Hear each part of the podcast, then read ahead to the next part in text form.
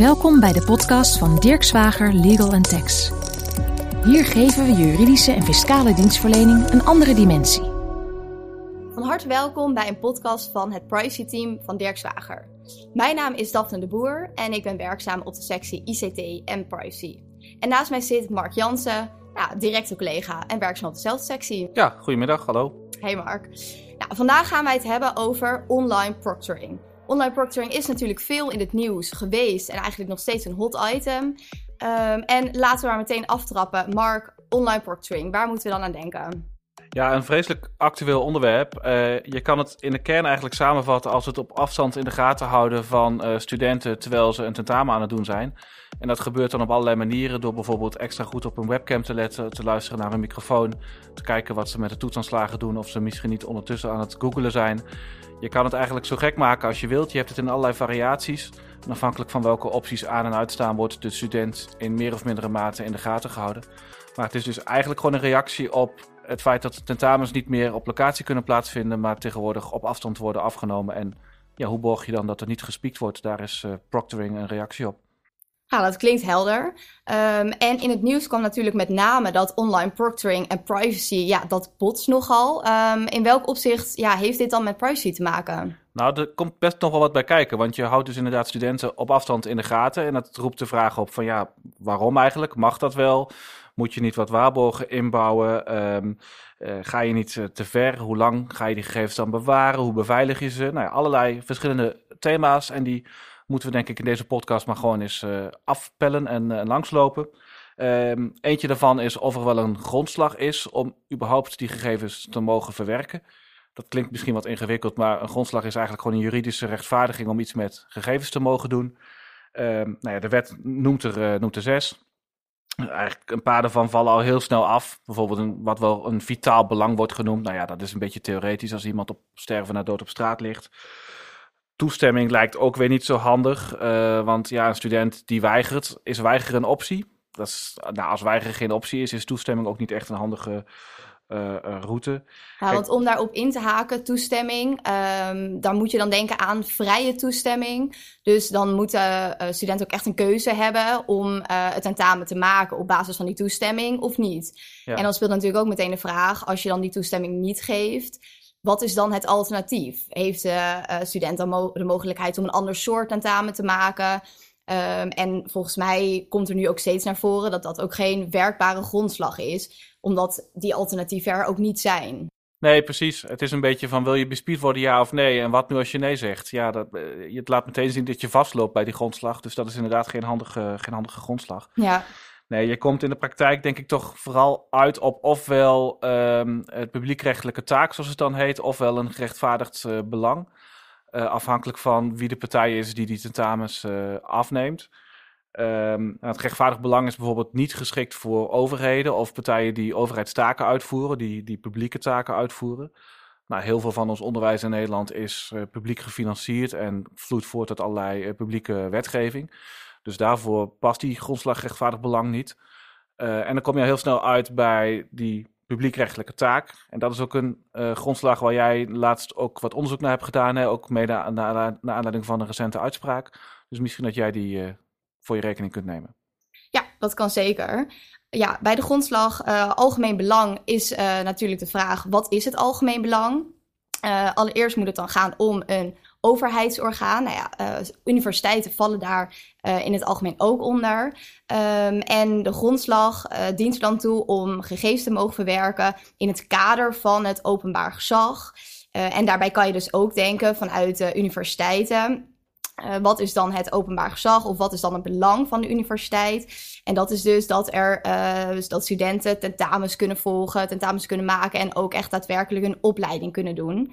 Um, dus dat valt allemaal onder taak algemeen belang. Ja, en ze geven ook officieel erkende diploma's uit natuurlijk. Ja, dus nou, het gewoon, allerbelangrijkste ja, denk ik. Ja, dat is gewoon een besluit uiteindelijk. Ja, ja, dus in dat opzicht is dat dan een besluit. Um, en wat misschien nog goed is om op te merken, dat het dan niet hoeft te gaan om een, voor, een wet in formele zin. Dus het hoeft niet uh, in, nou ja, zogezegd, de belangrijkste wetten te staan. Maar het moet uiteindelijk wel um, ergens zijn neergelegd. En um, het besluit dat de gegevens verwerkt mogen worden, dat besluit moet wel duidelijk en nauwkeurig zijn. Het moet dus ook duidelijk voor de betrokkenen zijn. Ja. En dat is natuurlijk ook hier weer een punt. Uh, want dan is, kom je weer terug bij de vraag. Nou, er vindt online proctoring plaats. nou ja, is dat in dit opzicht um, ergens neergelegd en um, was dat ook voor de studenten te voorzien. Um, en misschien dan misschien mooi om meteen een bruggetje te maken, Mark, waar jij ook uh, iets over kan vertellen, over de uitspraak van, uh, van de rechtbank Amsterdam. Ja, er zijn inderdaad studenten geweest die principieel protest hebben gehad tegen online proctoring door de Universiteit van Amsterdam. De studentenraad die was het daar niet mee eens. De Universiteit van Amsterdam paste online proctoring toe. Uh, in de gedachte van, ja, we moeten wat, het is corona, dus we moeten nu maatregelen nemen om die tentamensdoorgang te laten vinden. En een van de discussiepunten was, heeft de universiteit daar nou eigenlijk überhaupt wel een grondslag voor? En dan kom ik eigenlijk ook bij de punten die jij aanstipt, van is dit nou wel voorzienbaar en is dit dan al wel netjes uh, geregeld? Um, en uiteindelijk heeft de rechter die afweging daar gemaakt. Ja, jij hebt de uitspraak nog wat meer in detail uh, bekeken. Dus misschien dat je hem even uh, kunt, kunt overpakken wat dat betreft. uh, maar hoe ik hem in mijn hoofd heb zitten, in ieder geval is dat de rechter het goedkeurde. Daar kwam het uiteindelijk op neer. Ja, dat is inderdaad de conclusie. Nou, ik zal het stokje even overpakken. nou, de rechter, rechter gaat eigenlijk mooi um, uh, maakt eigenlijk een mooie belangenafweging. Dus die kijkt ook naar de verschillende grondslagen. Die zegt ook van, nou ja, in dit opzicht is het gerechtvaardigd belang, zoals wij ook daarnet zeiden, nou, is niet van toepassing, is niet mogelijk. Um, en dan kom je uit bij de grondslag, uh, het algemeen belang. en daar kijkt de rechter ook. Um, Waarvoor worden de gegevens gebruikt en um, hoe is het in de wet geregeld? Nou, nu zijn er afspraken uh, vastgelegd, uh, ook in de wet op het hoger uh, onderwijs en wetenschappelijk onderzoek. Um, en verder zijn er ook in de regels en richtlijnen van de examencommissie afspraken gemaakt over fraude en hoe om te gaan met fraude of het voorkomen van fraude. Dus daarvan zegt de rechtbank, nou, er zijn inderdaad een aantal punten neergelegd in de wet. Um, het lastige op dit punt is dat um, natuurlijk de hele uh, coronacrisis niet te voorzien was. En dat het dus ook niet te voorzien was dat studenten online thuis tentamens moesten maken. Uh, en daar ja, let de rechtbank ook wel op en die besteedt daar ook wel aandacht aan. Uh, want het is natuurlijk op dit moment al redelijk gebruikelijk in Nederland dat je online tentamens kan maken. maar dan vindt het ook plaats, het tentamen in een tentamenzaal. En nu gaat het dus niet om de zaal en ook niet om surveillance in een zaal, maar echt op je thuislocatie. Um, en daarvan zegt de rechtbank op dit moment van ja, um, kijkend naar uh, de situatie waarin wij zitten, um, ja, is het nu noodzakelijk om dan online proctoring thuis uh, ook ja, plaats te laten vinden? Ja, het is een soort overmacht bijna. Hè? Ja, ja. ja. En dat is meteen wel een aardig punt om ook nog even voor de luisteraar mee te nemen. Uh, want we hebben het over grondslagen. En dat klinkt misschien een beetje uh, juridisch ingewikkeld. En dat is het soms ook wel. uh, maar in al die grondslagen zit ook altijd nog de noodzakelijkheidstoets. Van is het nou werkelijk nodig om dit op deze manier zo te doen?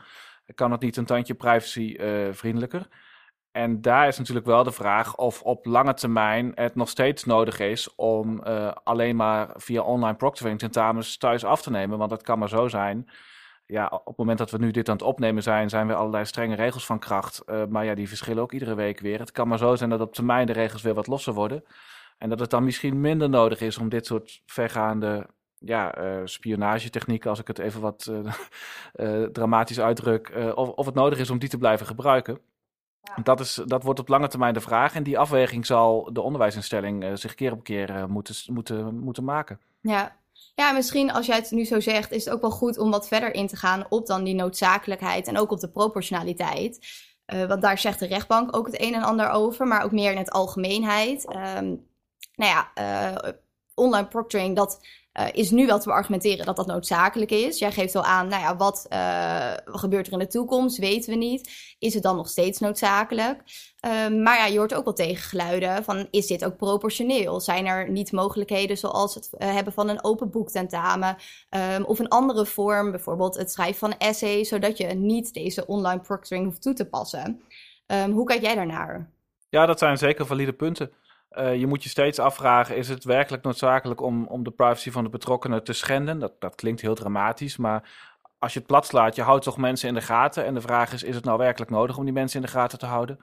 Of kun je een middel vinden waarbij dat in de gaten houden helemaal niet nodig is? Dat zijn zeker valide vragen. Uh, maar ik kan me tegelijkertijd voorstellen, stel je voor dat je een heel grootschalige opleiding hebt uh, en je voorlopig toch echt nog niet met grote groepen bij elkaar kunt komen, dat dan dit soort vormen bijna onvermijdelijk zijn. Sommige vakken lenen zich ook gewoon niet zo goed voor open boektentamens of, of andere vormen van examinering. Dus uiteindelijk denk ik wel dat die online proctoring wel een blijvertje is, maar wel een genuanceerd blijvertje, denk ik. Ja. Want er komt, er komt er nog wel wat meer bij kijken hoor. We staan nu alleen nog maar, alleen nog maar stil bij de grondslag. Ja. maar als we, als, we, ja, als we verder kijken naar de privacywet, dan, dan schieten mij wel meer onderwerpen te binnen. Je moet, waarschijnlijk moet je een DPIA houden. Je moet, dit zou wel eens kunnen kwalificeren als geautomatiseerde besluitvorming. Je, je, moet goed nadenken over hoe lang je die gegevens nou eigenlijk bewaart en beveiligt. Um, ja, je noemt zomaar wat onderwerpen. Uh, een, een, DPA, uh, dus dat is een Data Protection Impact Assessment. Um, die ja, schud jij zo uit de losse mouw. Um, ja. voor de luisteraars, uh, waar moeten we aan denken? Waarom is dat hier van belang? Nou ja, voor de mensen die Galgje of Wordfeud spelen, in het Nederlands heet het een gegevensbeschermingseffectbeoordeling. Dat vind ik een prachtig woord, maar het komt erop neer dat je volgens de privacywet uh, bij de wat risicovollere verwerkingen van persoonsgegevens eigenlijk gedwongen wordt om voorafgaand een soort zelfevaluatie te doen. En die zelfevaluatie, die, wordt dan een DPA genoemd, een Data Privacy Impact Assessment. Uh, en dan moet je aan de hand van een bepaald framework allerlei vragen en criteria langslopen om te kijken of het systeem dat jij hebt ingericht voldoende privacyvriendelijk is. En als je dan tijdens die hele analyse ontdekt dat er hoge risico's overblijven, moet je daarover in contact met de toezichthouder, zegt de wet. En dat is natuurlijk vrij vervelend als dat de conclusie is. Als je erachter komt dat je je systeem zo hebt ingericht dat er alleen maar hoge privacyrisico's overblijven, dan moet je ineens aanbellen bij de autoriteit persoonsgegevens om eigenlijk de vuile was buiten te hangen. En dat is natuurlijk knap vervelend. Dus, ja. dus zo'n DPA die dwingt jou in feite om van tevoren na te denken, uh, kan het niet een tandje privacyvriendelijker? En ik, ik, ik denk dat hij maar zo is, eh, hier zou kunnen spelen hoor. Want je bent op vrij grote schaal toch uh, potentieel gevoelige gegevens van mensen in de gaten aan het houden. Met, met webcams of met zoekgeschiedenis op internet. Um, en gelet op de grootschaligheid en de systematische karakter daarvan. Nou ja, als ik dan kijk naar welke de lijsten die de AP heeft gepubliceerd over wanneer je een DPA moet houden, dan zou dat maar zo eens kunnen voldoen. Ja, en dan kom je natuurlijk ook direct bij de geautomatiseerde uh, besluitvorming. Want jij noemt zo uh, de grootschaligheid, het systematische. Ja. Uh, dit is natuurlijk allemaal online, dus je wordt gemonitord uh, gedurende het hele tentamen. Um, en dat gebeurt door een systeem. Dus dat systeem dat neemt bepaalde punten waar, bijvoorbeeld vanuit de webcam, toetsenbord, et cetera. Ja. En die gaat op basis van jouw gedrag bepalen of jij wel of niet fraudeert. Ja. En dat is dan, ja, zoals dan in de juridische termen gezegd, zonder menselijke tussenkomst. Um, dat is ook nog even een dingetje. Ja, dat is ook een eh, fascinerende vraag of hoe je daar nou mee om moet gaan, inderdaad. Um, de privacywet zegt dat je er recht op hebt om niet aan geautomatiseerde besluitvorming onderworpen te worden, zoals het dan zo mooi heet. Oftewel, dat black box idee van computer says no. De privacywet zegt eigenlijk dat je dan dat je allereerst het recht op hebt om niet zomaar door die black box heen te gaan. En als het al gebeurt, dat je wordt uitgelegd waarom dat dan gebeurt. En dat je altijd naar een mens kan gaan als de computer nee zegt. Maar ja, bij die online proctoring, die computer gaat gewoon uit zichzelf op grond van een of ander algoritme waar, uh, ja, uh, wie weet hoe dat in elkaar zit, gaat ineens een rode vlag omhoog van hier wordt mogelijk wel fraude gepleegd. Ik heb geen idee hoe dat algoritme tot stand is gekomen. Uh, ik weet er helemaal niet wanneer die wel en niet aanslaat.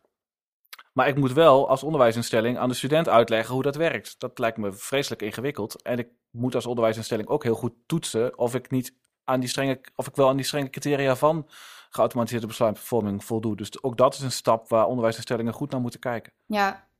Ja, er komt uiteindelijk wel meer bij kijken dan alleen het hebben van een grondslag. Want we hebben nu ja, de grondslagen, je hebt een DPIA, je hebt uh, de ge uh, geautomatiseerde besluitvorming. Um, ja, dan kom je natuurlijk ook nog bij de algemenere beveiligingsmaatregelen. Um, dan moet je natuurlijk ook bijvoorbeeld denken aan de bewaartermijnen.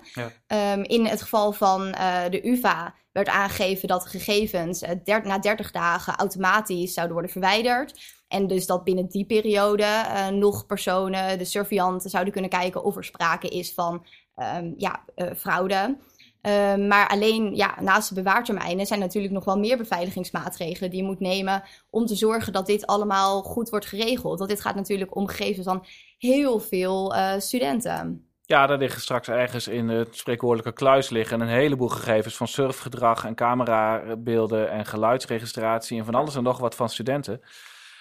De vraag is hoe, hoe dat allemaal beveiligd is, maar de vraag is ook of het wel proportioneel is dat je die zo lang bewaart. Want je krijgt een heel, ja, best opmerkelijk bijeffect. Als je normaal gesproken, we kennen het allemaal wel, dat je in de grote gymzaal zit en er lopen een paar surveillanten door het gangpad heen. Als je in zo'n zeg maar klassieke setting betrapt wordt op frauderen, dan word je ter plekke betrapt, omdat een surveillant jou ter plekke gekke dingen ziet doen. Nu bij online proctoring dreigt het gevaar dat je 30 dagen nadien nog betrapt kunt worden op iets wat je 30 dagen daarvoor gedaan hebt. Dat is eigenlijk best een heel andere orde van grootte. Uh, dus die, de vraag is of die gegevens uh, niet voor een verkeerd doel dan worden gebruikt en op veel langere termijn worden gebruikt om die student in de gaten te houden. Uh, nog los daarvan dat het, dat het gewoon best gevoelige gegevens zijn en je ook niet wil dat die op straat komen te liggen. Dus stel je voor dat die leverancier van die proctoring software gehackt wordt, ja, dan, dan ligt in potentie het, het seksleven van alle studenten op straat, omdat de camerabeelden gefilmd uh, zijn uh, van de studentenkamers. Ja, dat moet je niet willen volgens mij. Nee. Nou, ik weet wel zeker dat we dat niet moeten willen, inderdaad. ja, uh, ik zit even verder te denken, want nu jij ook zo het hebt over die beveiliging en het. Um, ja, uh, het plaatsen van de gegevens. Het is natuurlijk ook wel van belang dat, dus dat de gegevens bijvoorbeeld binnen Europa worden opgeslagen. Uh, dus dat de universiteit er ook wel zorg voor moet dragen dat de servers binnen de EU zijn. Dan heb je ook weer te maken met uh, verwerkers, dus um, de organisatie of het bedrijf dat de gegevens of dat de online proctoring uitvoert, dat daar weer een verwerkersovereenkomst mee wordt gesloten. Ja. Um, ja, al met al zo pratende zijn er best wel wat onderwerpen waar naar gekeken moet worden. Klopt. En die wel belang zijn bij, het online, bij de online proctoring. Absoluut, ja. En een deel van de aanbieders van dit soort software is Amerikaans. Dus dat is wel een aandachtspunt. Want wat je terecht zegt, de privacywet die wij kennen, die zegt dat gegevens binnen Europa moeten blijven. We hebben recent natuurlijk die Schrems 2-uitspraak, die uh, nou, een bepaalde regeling met Amerika ongeldig verklaart. En die bovendien allerlei uh, mitsen en maren opmerkt over het Amerikaanse rechtssysteem. Dus de vraag is of de gegevens überhaupt nog wel in Amerika kunnen worden opgeslagen. Beter is het om ze in Europa op te slaan. Maar bovendien, die leveranciers, daar zit nog iets dubbels in. Uh, ik noemde net een black box, hoe dat algoritme werkt. Die leveranciers die willen eigenlijk, uh, weet ik uit onderhandelingen, dat ze dat algoritme kunnen laten leren, kunnen uh, nieuwe input kunnen geven over wat nou fraude is en wat nou geen fraude is. In een verwerkersovereenkomst staat echter, als het goed is, dat die leverancier juist niet voor eigen doeleinden iets met die gegevens mag doen. Daar zit een spanningsveld. En je zult zien dat die leveranciers van die software eh, heel erg gaan betogen dat ze die gegevens wel moeten kunnen gebruiken om die software beter te maken. Uh, waardoor de black box alleen nog maar weer uh, zwarter wordt, om het maar even een beetje in beeldspraak uit te drukken. Want dan heb je als hogeschool of universiteit helemaal geen grip meer op wat er nou met die gegevens gebeurt. Dus dat spanningsveld, daar zal ook een goede balans in moeten worden gevonden. Ja. Ja, al met al heel wat om te overwegen ja, we kunnen zo denk ik aan de lopende band doorgaan. Maar ik denk eigenlijk dat het voor uh, een eerste podcast over uh, online proctoring ook wel goed is om hier uh, ja, op deze manier bij stil te staan. Um, in conclusie, wat is nu het belangrijkste? Er is sowieso een grondslag nodig. Nou, ja, voor de meeste universiteiten is dan ook de grondslag um, dat er een algemeen belang moet zijn. -hmm. Maar ja, met de grondslag alleen ben je er dus niet. Je moet ook denken aan de beveiligingsmaatregelen, aan uh, het doen van een DPIA, uh, dat er sprake is van geautomatiseerde besluitvorming. Um, ja, en met name dus die beveiligingsmaatregelen. Um, ja, wees daar bewust van. Ja, doe dit En doordacht. let daarop. Ja, inderdaad. Um, ja, en, en, er zijn nog diverse andere onderwerpen. We hebben het nog niet eens over de medezeggenschap gehad en dergelijke, maar dat komt wel weer ja. in een andere podcast. Uh, voor nu geldt inderdaad, denk ik, vooral de, doe dit uh, doordacht, doe dit zorgvuldig. Maar tegelijkertijd, uh, wees er ook niet bang voor. ik denk dat online proctoring wel een blijvertje is, maar wel een genuanceerd blijvertje. Daarmee zijn we aan het einde gekomen van deze podcast van het Privacy Team van Dirk Zwager. Ja, we hopen dat u deze podcast interessant heeft gevonden. Wilt u nu meer weten over de actuele juridische onderwerpen over privacyrecht? Of heeft u specifieke vragen aan ons privacy team? Neem dan gerust contact op met ons via de pagina van ons privacy team op de website www.dirkzwager.nl. Voor nu willen we u hartelijk danken voor het beluisteren van deze podcast en hopelijk tot de volgende keer. Dirk Zwager Legal Tax podcast.